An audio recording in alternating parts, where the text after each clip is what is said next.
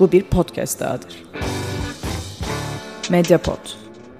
İletişim için mediapod.com ya da @mediapod.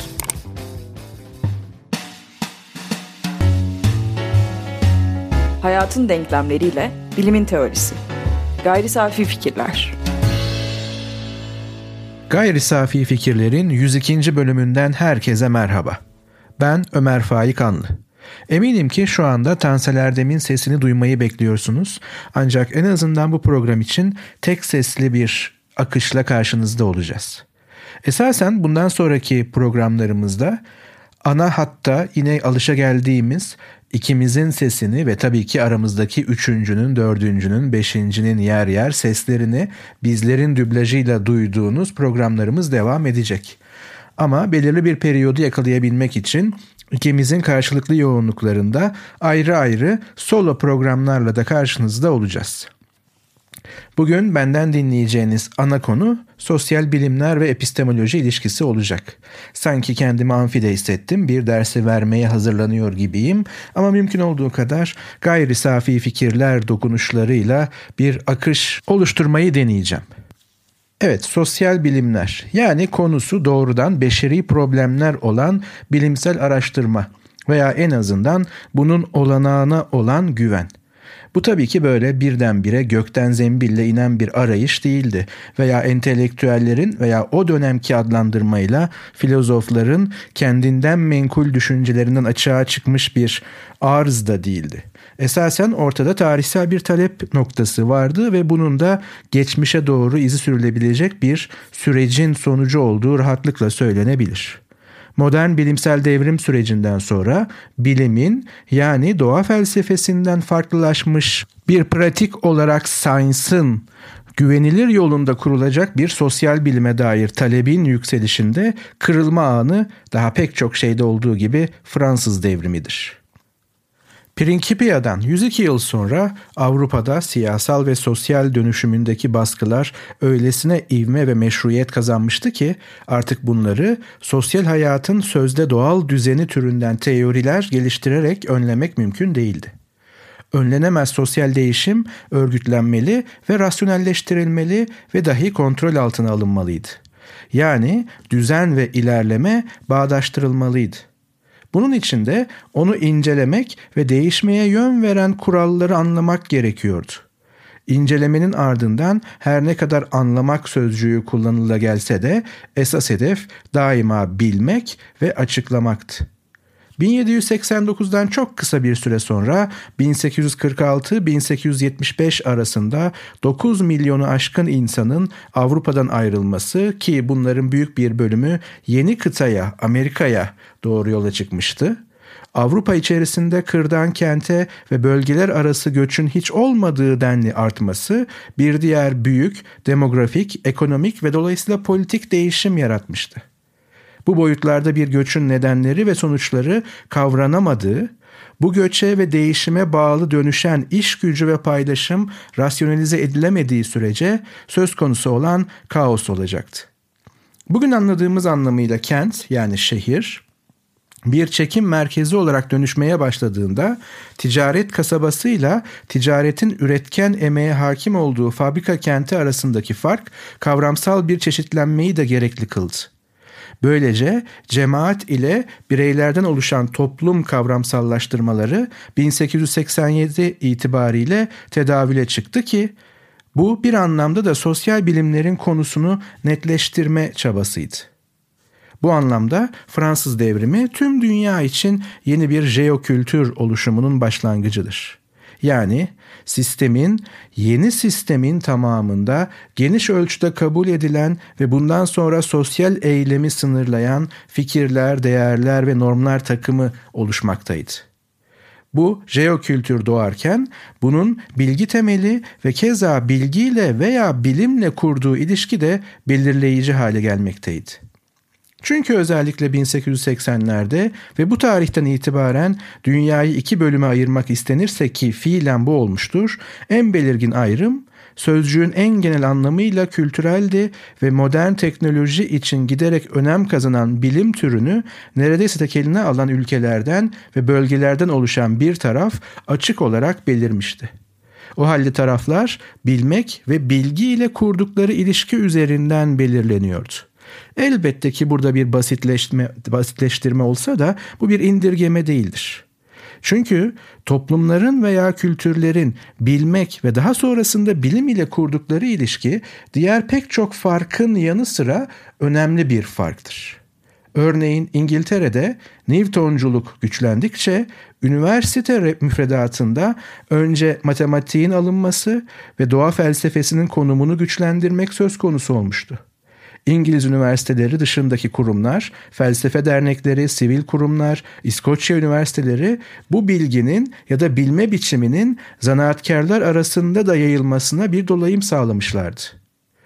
Gerek teknolojiye ilgi odağını kaybetmeden üniversite içerisinde yükselen teorik ilgi, gerekse de üniversite dışındaki teknik problemlere dair bilimin kullanılabilirliğinin farkına varılması bu bilgiyi çok daha kısa sürede sanayiye tahvil edebilmeyi sağlamıştı İngiltere'de.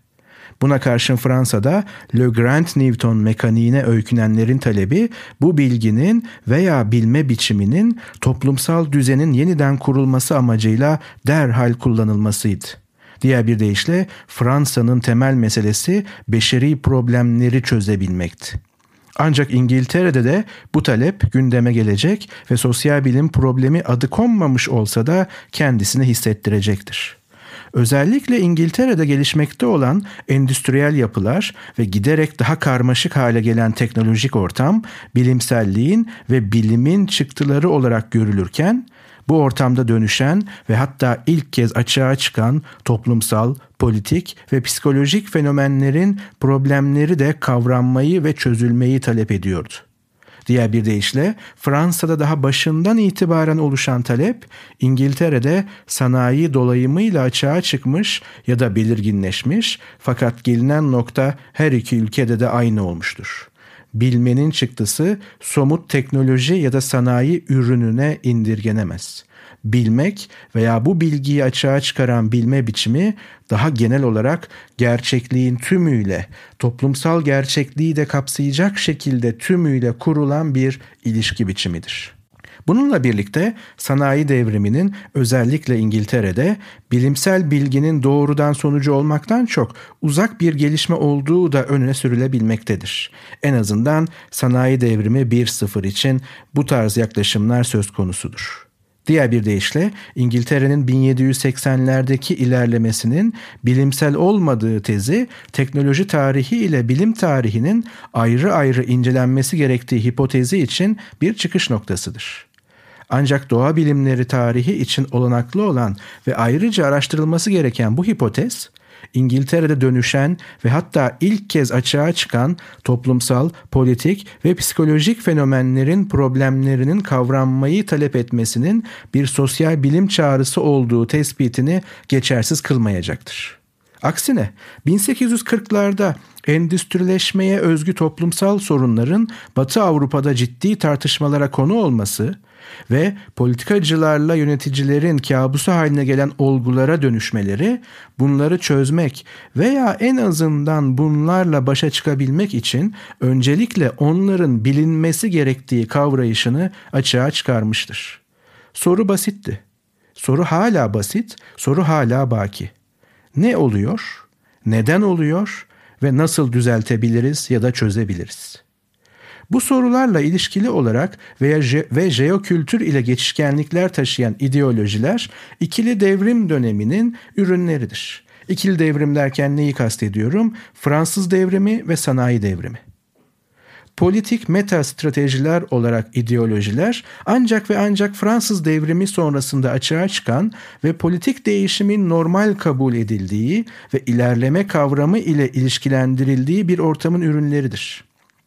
Artık o zamana kadar evrensel olan değişme korkusu yerini durgunlaşma korkusuna bırakıyordu. değişimi yönlendirmek ve değişime somut hedefler koymak anlamında bu meta stratejiler birbirlerinin alternatifleri olarak açığa çıksa da bunun ötesinde tek doğru olma iddiası taşıyan kavrayış biçimleridir. Her nerede alternatifler açığa çıkıyorsa orada bir doğruluk problemi ya da hakikat problemi de kendisini gösterecektir. Tam da bu nedenle her bir ideoloji bilgi ile hem temellendirici hem de araçsal bir ilişki kurmak durumundadır. Bu bilginin doğruluğu ve kesinliği ideolojilerin tümü için yaşamsaldır. Bir şekilde devlet mekanizmasında etkin olduğunda ideoloji kendini yeniden üretebilmek için ihtiyaç duyduğu kurumların devamlılığı ve dahi kullandığı mekanizmanın bekası için doğru bilgiye sahip olmak zorundadır. Böylece jeokültürle iç içe geçmiş ideolojilerden kaynaklanan bir bilgi talebi açığa çıkmıştır. Öyle ki koşulların bir düzeni artık sürdürülemez hale getirdiği her an siyasal veya toplumsal bir devrim kopabilecekken ve bu devrim eski rejimi yıkabilecekken yerine aynı akıbete uğramayacak ya da durumu gerçekten düzeltebilecek birinin konabilmesinin koşulu bilgidir. Doğa bilimleri 1687 itibariyle bilmek için benzer hedeflerle doğaya yöneldiklerinde başarılı olmuşlarsa, beşeri ve tarihsel olanı da aynı yoldan incelemek ve bilmek neden mümkün olmasın ki? Sosyal bilimlerin temelindeki soru buydu. Tekrar etmek gerekirse, doğa bilimleri bilmek için benzer hedeflerle doğaya yöneldiklerinde başarılı olmuşlarsa, beşeri ve tarihsel olanı aynı yoldan incelemek ve bilmek neden mümkün olmasın ki? Böylece belki de ilk insandan bu yana, ilk insan grubundan bu yana bir şekilde envanterimizde olan bilmek anlamını değiştiriyordu. Artık söz konusu olan teşhis etmek, hakkında veri sahibi olmak, sınıflandırabilmek ve tarif edebilmek ve nihayetinde bunları tamamlayacak şekilde açıklayabilmek, neden sonuç ilişkileri kurabilmekti. Doğa bilimi doğa felsefesinden farklılaşırken işte bu seti tamamlamıştı. Belirli bir başarı oranıyla elbette. Ama özellikle açıklayabilmek, yani teşhis etmek, hakkında veri sahibi olmak, sınıflandırabilmek ve tarif edebilmeye eklemlenen açıklayabilmek olgusu veya açıklayabilme yetisi neden sonuç ilişkisi üzerine kurulduğunda bu ilişki geriye doğru işletildiğinde bir açıklama elde ediyorduk ileriye doğru işletildiğinde ise ilk kez kehanetlerden ayrışan bir türde bir öngörüye sahip oluyorduk. Biraz daha açmam gerekirse elimizde bir neden sonuç ilişkisi var. Yani elimizde fiili bir sonuç var. Eğer bu sonucun ne, sonucun nedenlerini doğru bir şekilde ortaya koyabilirsek, teşhis edebilir, hakkında veri sahibi olabilir, sınıflandırabilir, tarif edebilirsek bu sonucun neden açığa çıktığını açıklamış oluruz. Ama elimizde nedenler varsa ve daha önce neden sonuç ilişkisini doğru bir şekilde açıklayabildiysek bu nedenlerin neden olacağı, doğuracağı sonucu henüz ortaya çıkmadan öngörebiliriz. İşte sosyal bilimlerin en azından kuruluşundaki temel hedef böyle bir bilgiye ulaşabilmekti. Buraya kadar olan bölüm aslında biraz önce ifade ettiğim ne oluyor sorusunun kısmi cevabıydı. Olan şey değişime bir tepkiydi. Gerçeklikle kurduğumuz toplumsal ilişkiyi biçimlendiren kurumsal yapılar ve kodlar değişime direnemez hale geldikçe çeşitli hızlarda dönüşmeye başlıyorlardı. Ama bu dönüşüm hiç de öyle kendiliğinden ve sancısız, çelişkisiz değildi. Bu dönüşüm içerisinde gerçeklikle kurduğumuz fiili ilişki değiştikçe artık eski toplumsal örgütlenme biçimleri, organize olma biçimleri, gelenekler birer bilgi kaynağı olarak yetersiz kalmaktaydı. Bilgi demişken tam da komşuda yani doğa bilimlerinde doğayla doğrudan kurduğumuz ilişkiyi ve bu ilişki içerisinde tespit ettiğimiz problemleri çözme gayretinde olan doğa felsefesi neredeyse isim değiştirecek kadar başarıya ulaşmıştı. Neredeyse diyorum çünkü bu isim değişikliği için hala bir miktar da olsa zamana ihtiyaç vardı. Doğa felsefesi 1830'lu yıllarda doğa bilimine, daha doğrusu science'a evrilecek veya dönüşecekti. Şimdi ne oluyor sorusunun ikinci boyutuna bakalım. Dünyayı bilme sorununun çözümünde bir başarı olarak görülen bilimin ve bilimsel bilginin kendiliğinden ve tesadüfi biçimde ortaya çıkmadığını göstermek, öncesinden farkını net biçimde belirlemek ve ona öykünen diğer çalışmalara ilişkin meşru ve gayrimeşru ayrımını yapabilmeye yönelik epistemolojik kavrayış çalışmalarının tarihi aynı zamanda insanlığın belki de en önemli entelektüel başarılarından birini yine entelektüel olarak kavrayamaması ve açıklayamaması skandalını ortadan kaldırma girişiminin de tarihidir. Kastettiğim şey şu. Hepimiz şu anda da bilim önemlidir ifadesinin altına imza atıyoruz. En azından hemen hemen hepimiz. Peki bilim nedir diye sorduğumuzda buna kitabi olmayan, ezbere dayanmayan bir yanıtı kaçımız verebiliriz? Peki bilim politikalarını etkileyecek kadar önemli mevkilerde bulunan insanlar bilimi ne kadar tanıyorlar veya biliyorlar? Ona ne kadar aşinalar? İşte bu soruların tamamı aslında bilimi entelektüel olarak kavrayamama semptomuyla örtüşmekte. 19. yüzyılda kuramla pratiği ayıramayan ve teknolojinin hayatlarını kolaylaştırdığı kitlelerin alkışlarının ötesinde bilimin epistemolojik otoritesinin meşruluğu problemi açığa çıktığında modernizm ya da modernlik imaj, bilim, politika üçlüsü temelinde karmaşık bir hal almaktadır. Kitleler her birimizi onun içine katabiliriz. Bilimi her seferinde alkışlasak bile aslında bu alkış bilimin sürekliliğini ve sürdürülebilirliğini sağlama konusunda oldukça gevşek bir zemin sunuyor. Çünkü popülizmin bir başka yansıması olan bu alkışlar kolaylıkla ters yönde esebileceği gibi aynı zamanda bilimi gerçekten tanımayan kitlelerin bilimi bir anda mahkum edebilmesine de yol açabilmekte. Bu problemle ilişkili olarak aynı zamanda kurulacak yeni disiplinlerin, özellikle sosyal bilimlerin bu meşruluğa nasıl dahil olabilecekleri ya da eski disiplinlerin bu yeni dünyada nasıl konumlanacağı problemi bilgi teorisinin gerçek problemleri olarak kendilerini gösterdiler ve bilim, modernizm, aydınlanma ilişkisinin sinir uçları olarak öne çıktılar. Kimse bir fizikçiyi yargılamak veya fizikçiye işini öğretmek gibi bir girişimde bulunmazken mesele sosyal problemlere ve sosyal problemleri bilimsel olarak kavrama iddiasına geldiğinde işimizi sizden öğrenecek değiliz diyen pek çok makam ve insanla karşılaştı. Örneğin 2015 yılında Japonya'da devlet üniversitelerinde sosyal bilim bölümlerinin kapatılması veya küçültülmesi tartışılırken bu haber kamuya yansıdığında ilgili web sitesinin altındaki ilk yorum şöyleydi. Burada ve diğer her yerde de yapılması gereken bir şey. Beşeri disiplinler ve sözde sosyal bilimler toplumumuza tamir mümkün olmayan zararlar veriyorlar. Bu insanların yani sosyal bilimcilerin eğitimleri tamamen kanaatler, inançlar, değerler ve benzerleri üzerine. Bu eğitimleriyle sanki gerçek ve meşru bilim yapıyorlarmışçasına davranıyorlar.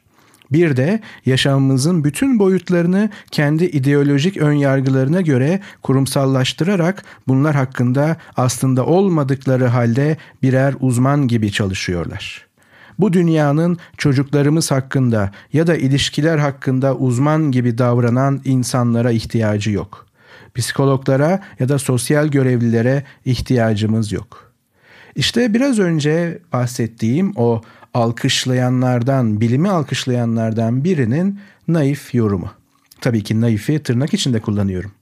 Ama dikkat edersek mesele sosyal bilimler veya beşeri problemler olduğu zaman bilime sınır çizme ve sosyal bilimlerin aslında bilim olmadığını öne sürme çok yaygın bir yargı biçimi. O kadar ki hiç ummadığınız bilim insanlarından biri tüm felsefenin veya tüm sosyal bilimlerin esasında lafolojiden ibaret olduğunu duymanız hiç de şaşırtıcı değil. Yani boş laflar. Boş laf demişken felsefe tarihinden bu boş laflar noktasıyla bağlayabileceğimiz tarihsel bir kesit çağırabiliriz. Tam da 1800'lü yıllarda epistemolojinin öne çıkmasının ilk adımında Immanuel Kant ile birlikte felsefe bu kez bilmek söz konusu olduğunda kurucu ya da kural koyucu olmaktan uzaklaşmaktaydı. Kant'ın ifadesiyle bir devrim yoluyla mevcut durumlarına ulaşmış olan matematik ve doğa bilimi örneklerine böylesine bir üstünlük kazandırmış olan düşünme yolunun dönüşümündeki özsel noktaları irdelemek kendinde bir dikkate değerlik taşırken metafizik ile andırımlarının yani benzerlerinin izin verdiği ölçüde onlara öykünme girişiminde bulunmak en azından denenmeye değerdi. Yani felsefenin yapacağı ya da yapması gereken şey doğa felsefesinin sonrasında ise bilimin başarının başarısının nasıl olanak kazandığını kavrayarak diğer alanlara bu olanağı açabilmekti. Böylece Kant'ın dönemi için epistemolojik olan fakat aynı zamanda da epistemolojinin bilim veya bilgi teorisine dönüşümünün şafağını teşkil eden soru gündeme gelmekteydi metafizik epistemolojik olarak olanaklı mıdır? Metafiziğin 1700'lerin sonunda diğer bilimler gibi sürekli tasvip kazanmaması, diğer bilimlerin aksine bilim kisvesi altında insanın anlama yetisini hiç sönmeyen ama hiç de gerçekleşmeyen umutlarla oyalaması, metafiziğin bir bilim olarak olanaklılığı sorusunu önemli, ciddi ve ele alınması ivedi bir hale getirmekteydi. Kant'ın şu ifadeleri onun ünlü Kopernik devrimiyle ilişkili ve fakat esas olarak bilim felsefesi açısından felsefenin bilgi teorisi evrimi adı verilebilecek dönüşümünün manifestosudur. Kant şunları söylemekteydi.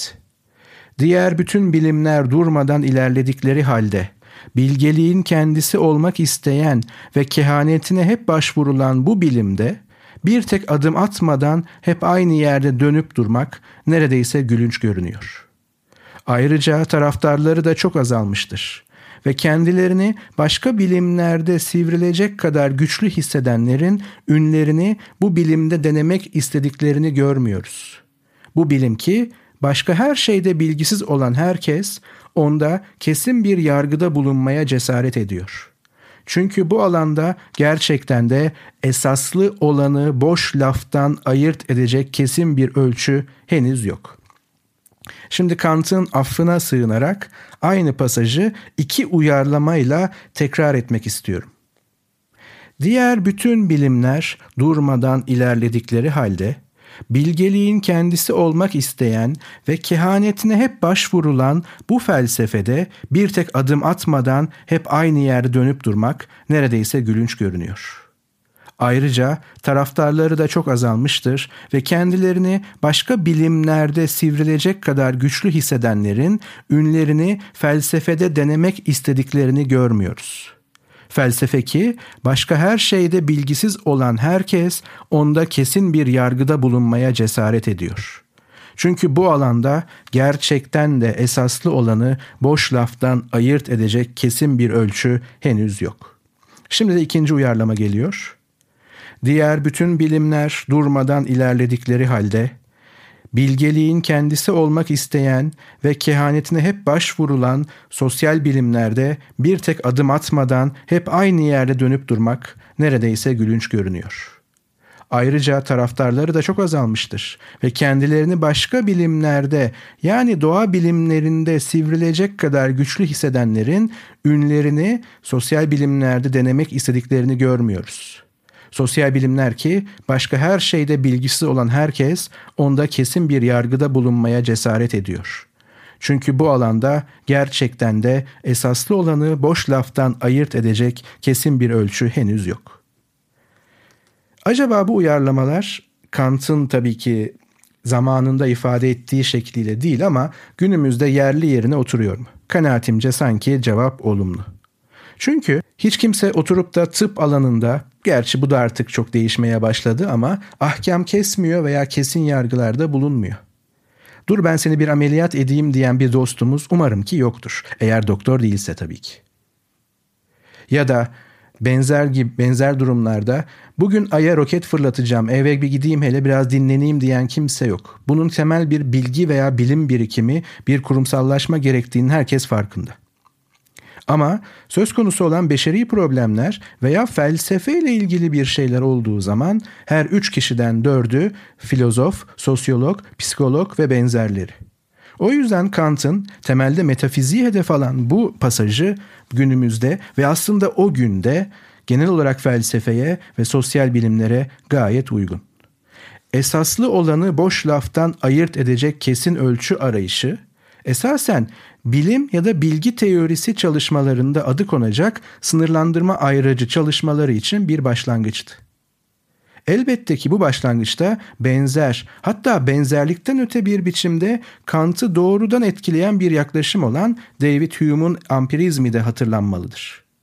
David Hume'un ampirizminin nicelik ya da sayıyla ilgili soyut bir akıl yürütme ve veya olgu ve varoluşla ilgili deneysel bir akıl yürütme içermeyen kitapların safsata ve yanılsamadan başka hiçbir şey içeremeyeceğinden ötürü alevlere atılmasına dair önerisi yankısını çok sonrasında neopozitivizmde bulacaktır. Ancak tüm bu süreçte Kant'ı öne çıkaran husus başından beri bilgiyi ve değerleri yani etik, estetik ve dahi politik değerleri temellendiren metafizik ve ontolojinin bu kez epistemoloji yani bilgi ile temellendirilebilir olup olmadığının öncelikli soru haline getirilmiş olmasıdır.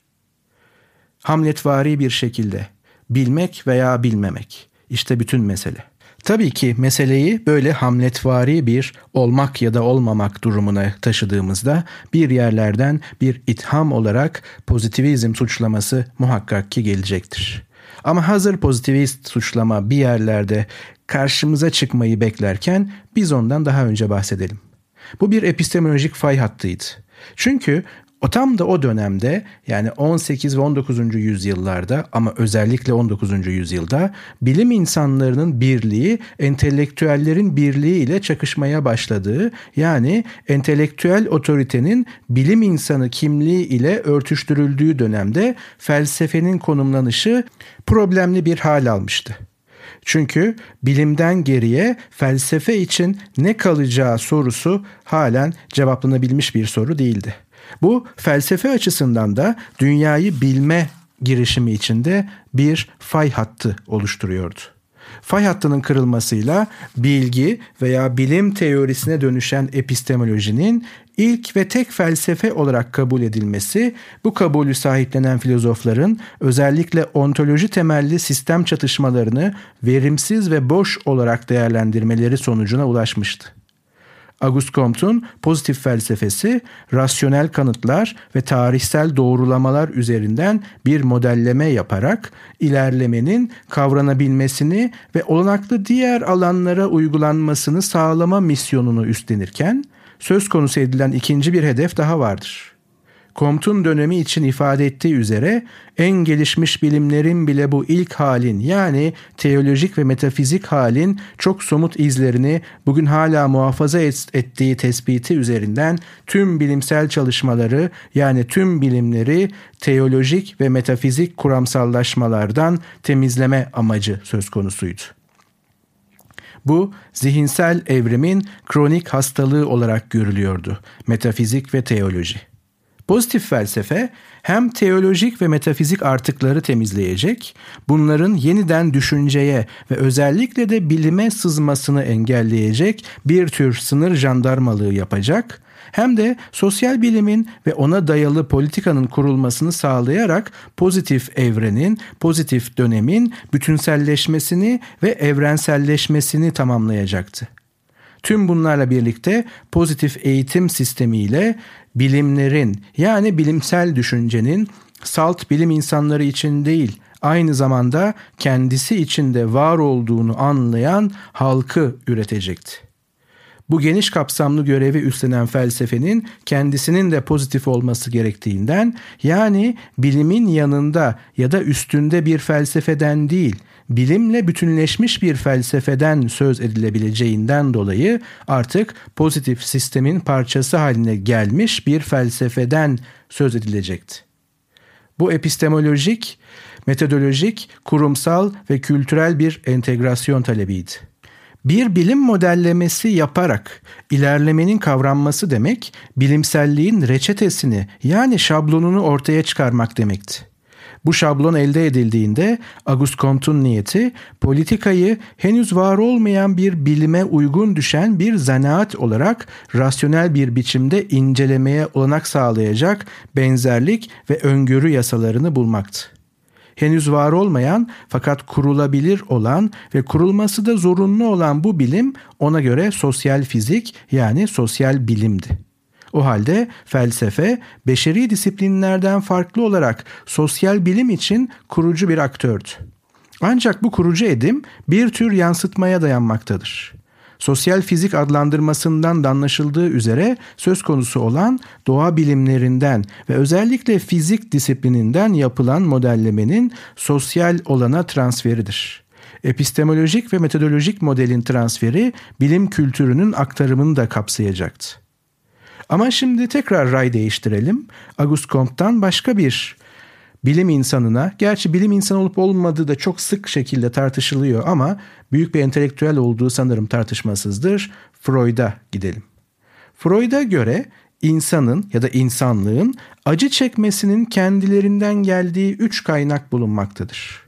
Onun ifadeleriyle doğanın üstün gücü kendi bedenimizin zayıflığı, hastalıklara yatkınlığı ve insanların aile, devlet ve toplum içinde birbirleriyle olan ilişkilerini düzenleyen mekanizmaların yapı ve kurumların yetersizliği. Şimdi dilerseniz bunun bir sağlamasını yapalım. Gerçekten acı çekmemizin tabii ki en geniş anlamıyla kendinden geldiği üç kaynak bunlar olabilir mi? Doğanın üstün gücü. İlk aklıma gelen büyük doğa felaketleri. İkincisi kendi bedenimizin zayıflığı, hastalıklara yatkınlığı. Sanırım bunun için örnek aramaya gerek yok. Çevremize baksak içinde yaşadığımız pandemi koşullarında en büyük korkularımızdan birinin ve acılarımızdan birinin kendi bedenimizin zayıflığı ve hastalıklara yatkınlığı olduğunu hemen görebiliriz. Son olarak insanların aile, devlet ve toplum içinde birbirleriyle olan ilişkilerini düzenleyen mekanizmaların, yapı ve kurumların yetersizliği. Adaletsizlik, gelir adaletsizliği, genel olarak hak adaletsizliği, fırsat eşitsizliği ve sayabileceğimiz pek çok şey tam da Freud'un ifade ettiği üzere bu mekanizmaların, yapı ve kurumların görece veya da belki mutlak yetersizliğinin sonucu değil mi? O halde buradan devam edebiliriz. Yine Freud'a göre doğanın üstün gücü ve insan bedeninin zayıflığından doğan kökensel mutsuzluk nihayetinde bu acı çekme kaynaklarını kabul etme zorunluluğunu doğurur. Doğaya hiçbir zaman bütünüyle hakim olunamayacağı ve kendisi de bu doğanın parçası olan bedenin daima geçici ve uyum sağlama ve kapasite bakımından kısıtlı kalacağı kabulü söz konusuydu. Ancak bu kabul insanı felç edici bir sonuca götürmez. Aksine insanın faaliyetlerinin yönünü belirler. Acı çekmek bütünüyle ortadan kaldırılamıyorsa bile bu kaynaktan doğan bazı acılar belirli derecelerde ortadan kaldırılabilir görünmektedir.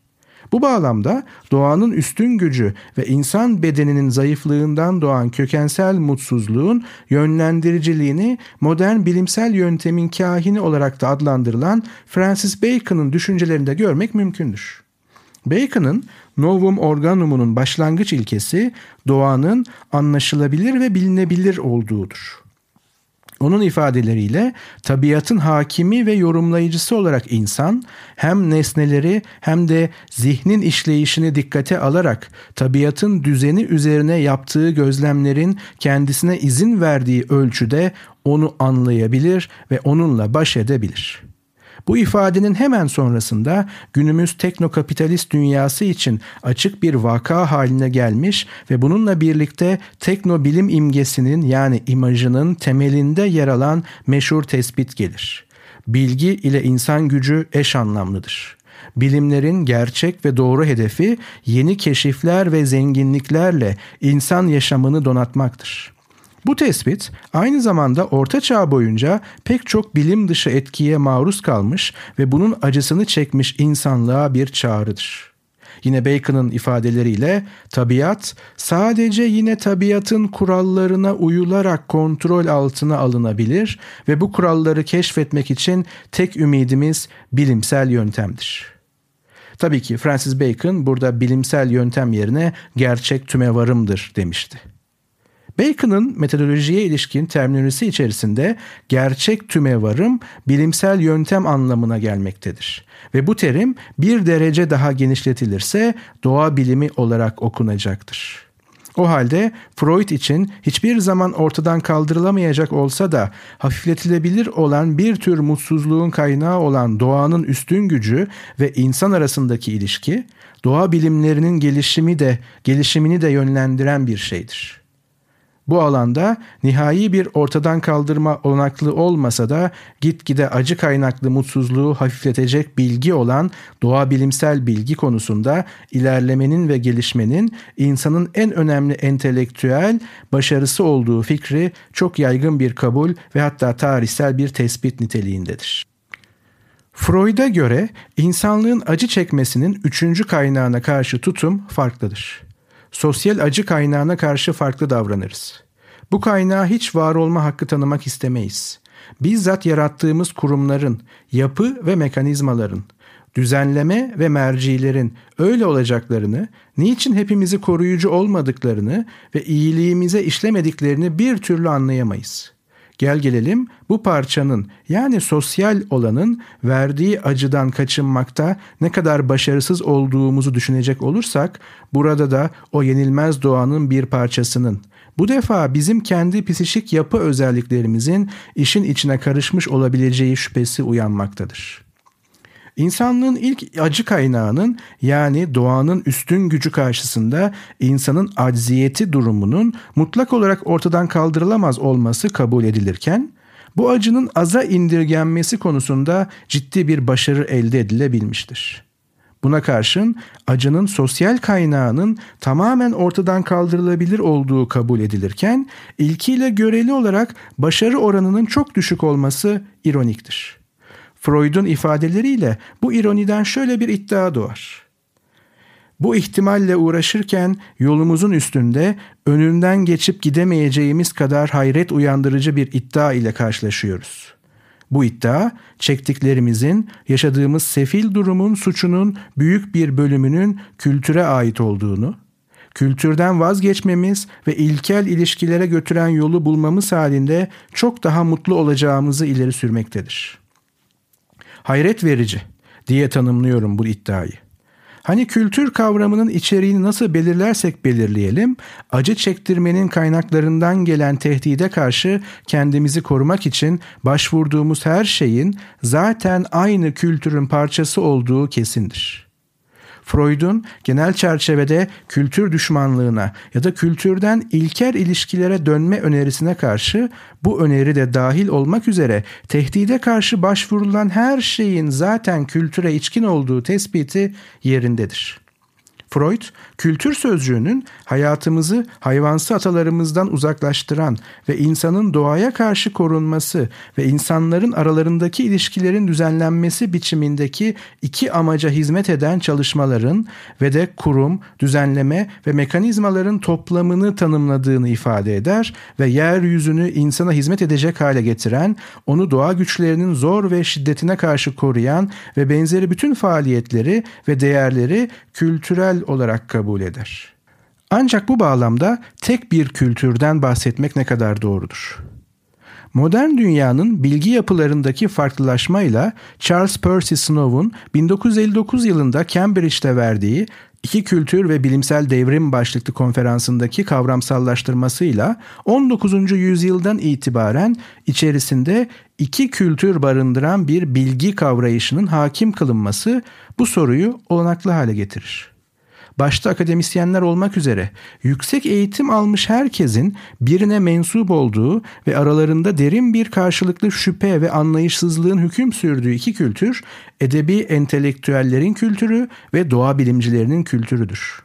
Ve Snow'un 1959'daki tespitine göre Batı toplumunun tamamında düşünsel hayat gittikçe iki kutba, iki zıt gruba ayrılmaktadır. Bu manzarada kültür dışına çıkmak, kökene yani doğaya geri dönmek yerine başka bir kültüre geçmek, doğa bilimleri kültürünü benimsemek olanaklıysa insanlık nasıl bir değişim yaşar?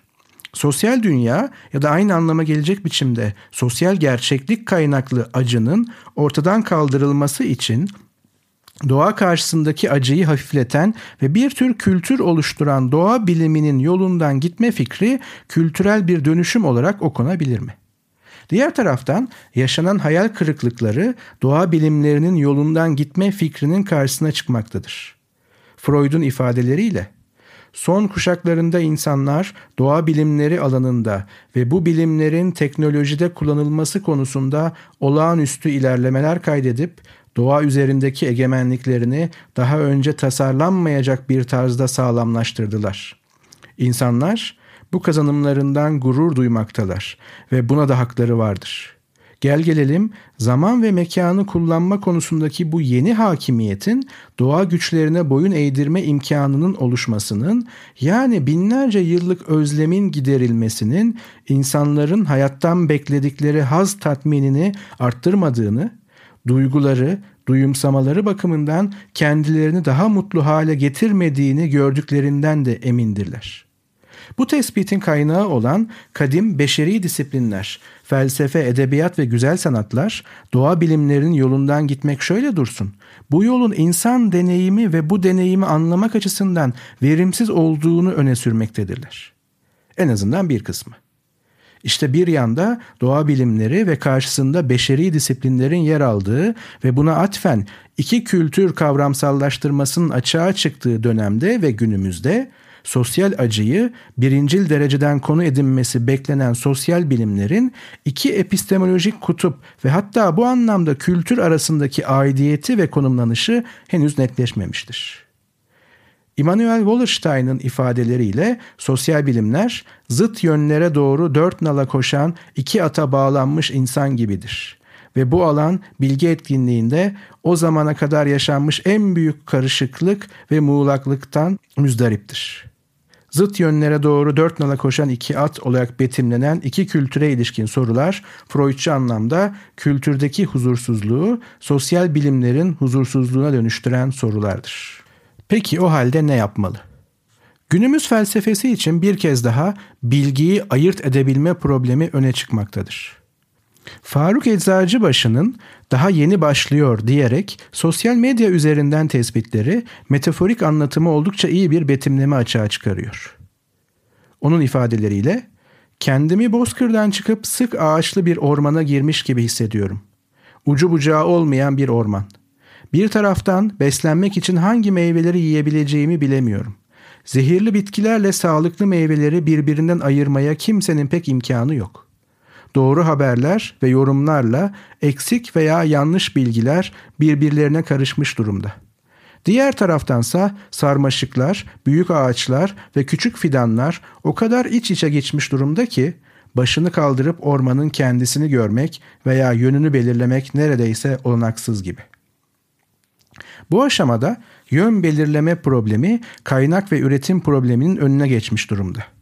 Bu yer değiştirmenin temelinde bilgi iletişim dünyasındaki değişim, bilgi trafiğinin hızında ve boyutundaki üstsel artış yatıyor. Öyle ki mal, hizmet, sermaye ve insan gücünün serbest hareketi üzerine kurulu olan küreselleşme, veri ve bilgi trafiğini de kapsamaya başladığında özellikle internetle birlikte tüm avantaj ve dezavantajlarıyla beraber bir yan etki olarak tekten teke, tekten çoka ve nihayetinde çoktan çoka yayılımı ve buna bağlı ağ yapısını yarattı. Bu ağda açığa çıkan fark bilginin klasik ekonomide tanımlanmış olan kıt kaynaklar arasından çıkmış olması. Davranış açısından getirdiği farklılıksa bilgiye gitmek yerine doğru bilginin özümsenmesinin daha önemli olmasıdır. Bu önem 2.2 milyar üyesiyle çoğu sessiz ama takipçi olan vatandaşlarıyla sanal bir ülkeye dönüşen Facebook, ve vatandaş haberciliğinin mecrası olmakla beşeri problemler üzerine tartışma forumu olma özelliklerini bir arada taşıyan Twitter, birer baskın mecra iken klasik ansiklopedi biçimini ve hatta içeriğini tümüyle değiştirmiş olan Wikipedia ve tüm çöpleriyle birlikte Google birer kaynak olarak kullanıma hazır el altında şeylere dönüştüler. Böylece hemen hiçbir hiyerarşik filtreleme, filtreleme mekanizması olmaksızın bilgi ve veri yayılımı mümkün ve mevcut hale geldi. Örneğin 2009 yılından itibaren Facebook algoritmasında yapılan değişiklikle ters kronolojik sırayla yayınlanan haberler ya da paylaşımlar arasında beğen tıklamasıyla destek alanların öncelik kazanmaya başlaması, diğer bir deyişle öne çıkarılması söz konusu. Ve bu algoritmada doğru veya yanlış haberi birbirinden ayıran, ayırabilecek bir unsur yok. Çünkü bu epistemolojik unsuru bir algoritmaya dönüştürecek bir yöntem henüz mevcut değil.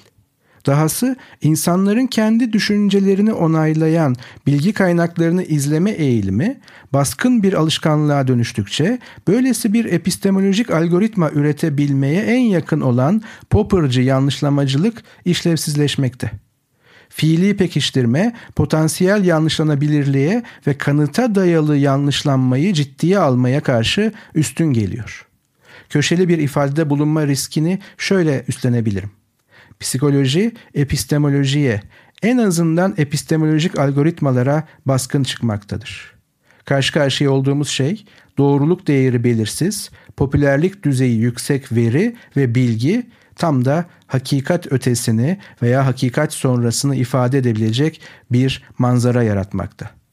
İşte sosyal bilimlerin güncel manzarası aynı zamanda böyle bir fon altında görülmeyi ve tartışılmayı bekliyor. Evet, ilk solo yayınımızda ağır mevzularda en azından bu program için sona geldik. Bizi bütün mecralardan takip edebileceğiniz gibi Twitter'dan ve özel mailimizden eleştirebilir, destekleyebilirsiniz. Ayrıca gayri safi fikirler YouTube'un devam edebilmesi için özellikle Akademide Ofis Saati e, programımızın devamlılığı için lütfen abone olmaya özen gösterin. Çünkü en az 2000 aboneyi bulabilirsek bazı ofislere ulaşmakta çok daha kolaylıklar yaşayacağız. Bizi dinlediğiniz için çok teşekkür ediyoruz. Bir diğer programda görüşmek üzere.